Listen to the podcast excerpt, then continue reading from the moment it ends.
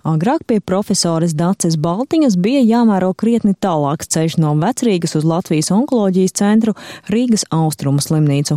Reiz viņa iznāca pretī, lai man nevajadzētu maldīties meklējot viņas kabinetu, taču jau vairāk nekā pusgadu Baltiņa strādā starptautiskajā viroterapijas centrā Teātrī ielā Vecrīgā. Augšup vedza šaurs lifts, kura sienas rotātas koka elementiem un durvīs var spoguļoties. Viroterapijas centra sekretāre pavada uz medicīnas direktoru direktores Baltiņas kabinetu, gaišu ar tumši sarkana koka mēbelēm. Baltiņa šogad ziņās nokļuva saistībā ar darba maiņu un jautājumu, vai ētiski vienlaiku strādāt privātā firmā, kas virza konkrētu medikamentu, un kā valsts galvenajai onkoloģijai piedalīties veselības politikas veidošanā. Ziniet, man izjūtas, es esmu pietiekami veca, ja, lai man šādas izjūtas eh, vairs eh, neradītu šoka stāvokli. Ja. Nu, Nu, ir tādas, nu, cilvēkiem ir tiesības uz savu viedokli. Ja, nu, daži domā tā, daži domā šitā. Ja ministrija uzskatīs, ka es viņiem neko nepalīdzu un viņiem vajag citu, tad viņi to izdarīs.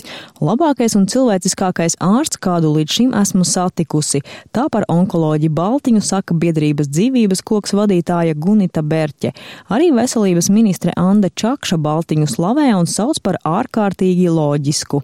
Piesardzīgāks gan ir saimas sabiedrības Sabiedrības veselības apakškomisijas vadītājs Romualds Ražuks. Komisijā uzzinājuši par Baltiņas pāriešanu uz viroterapijas centru, uz apakškomisijas sēdēm viņu vairs nesteidz aicināt. Vai arī pati dzirdējusi replikas, piemēram, no kolēģiem Dace Baltiņa pasmaida. Es tikai tik, cik es esmu redzējis kaut kādos sabiedriskos mēdījos, kaut kādus atsevišķus izteikumus, bet man personīgi acīs neviens neko nav teicis. Nu, ko saka aiz muguras, to jau mēs nekad nezinām. Iespējams, pirmais redzamais Baltiņas un viroterapijas saskares punkts bija pērn. Viņas kā tobrīd Rīgas austrumu slimnīcas galvenā speciālistes onkoloģijā vadībā speciālisti izstrādāja klīniskās vadlīnijas, kā ārstēt melanomas pacientus. Tās pasūtīja un apmaksāja Nacionālais veselības dienests. Jāpiezīmē, ka melanoma iepriekš nebija profesoras padziļinātas interešu sfēras lokā, bet gan krūca veselības problēmas. Melanomas ārstēšanas vadlīnijās bija pieminēts viroterapijas zāļu nosaukums. Tās ir Latvijā radītas, reģistrētas melanomas pacientiem valsts kompensētas zāles, ko arī virza viroterapijas centrs. Baltiņa saka, ka pāriešanai uz šo centru nav nekādas saistības ar pirms tam izstrādātajām vadlīnijām. Šis amats bijis jauns izaicinājums. Preses centra relīzē norādīts, ka profesore Baltiņa sekos viroterapijas lietošanas vadlīniju ievērošanai un pacientu uzskaitēji. Kompetence Praksē arī izglītojošs darbs, sekmējot viroterapijas atpazīstamību un iekļaušanu ļaundabīgo audzēju terapijas metožu kopā. Baltiņa arī pieņem pacientus viroterapijas ekscelences centrā Jūrmalā. Pārsvarā nāk pacienti, kuri nav saņēmuši atbildes uz sevi interesējošiem jautājumiem. Doktor, kā jūs domājat, kas man tagad būtu jādara? Baltiņa piebilst, problēma, ka ārsti ar pacientiem nerunā. Tas ir atkal mm, tāds uzpūsts mīts, ka mēs te ķeram pacientus teju aiz rokas un visiem uzspiežam savu zāli. Absolūti tā nav. Arī tad, kad pacients atnāk pie mums, mēs ļoti kritiski vērtējam, vai, un es arī godīgi viņam pasaku, vai tur ir sagaidāms kaut kas vai nebūs sagaidāms. Baltiņa arī atklāja, ka starptautiskais viroterapijas centrs saskāries ar klāji nedraudzīgu attieksmi no viņas bijušās darba vietas Latvijas onkoloģijas centra. Literatūrā rakstīts, ka onkolītisko viroterapiju var kombinēt ar ķīmijterapiju un staru terapiju, lai būtu lielāka efektivitāte, taču onkoloģijas centrā vien atbildējuši Eiropas un Amerikas vadlīnijās šī preparāta nav, tāpēc nelietosim.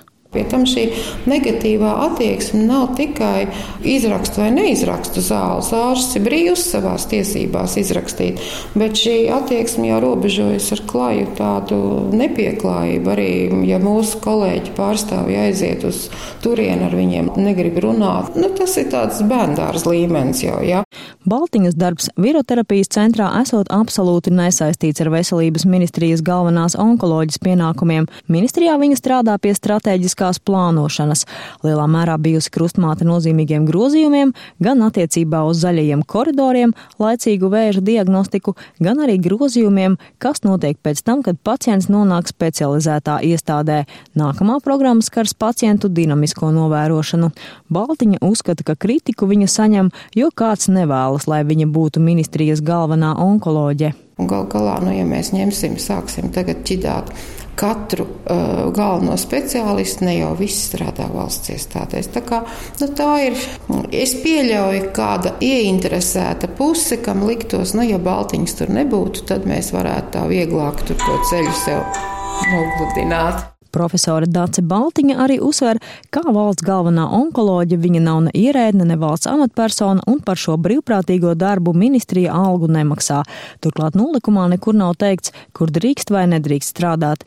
Profesore ir izbrīnīta par jautājumiem, kas skar ētiku. Piemēram, kā strādājot abos darbos, ikdienā atšķir, kas ir ētisks un kas nav ētisks. Es uzskatu, šis ir ļoti neētisks jautājums. Tas Baltiņai spiežot justies vainīgai, ka no valsts sektora pārgājusi uz privāto. Laura Dzērve, Latvijas radio.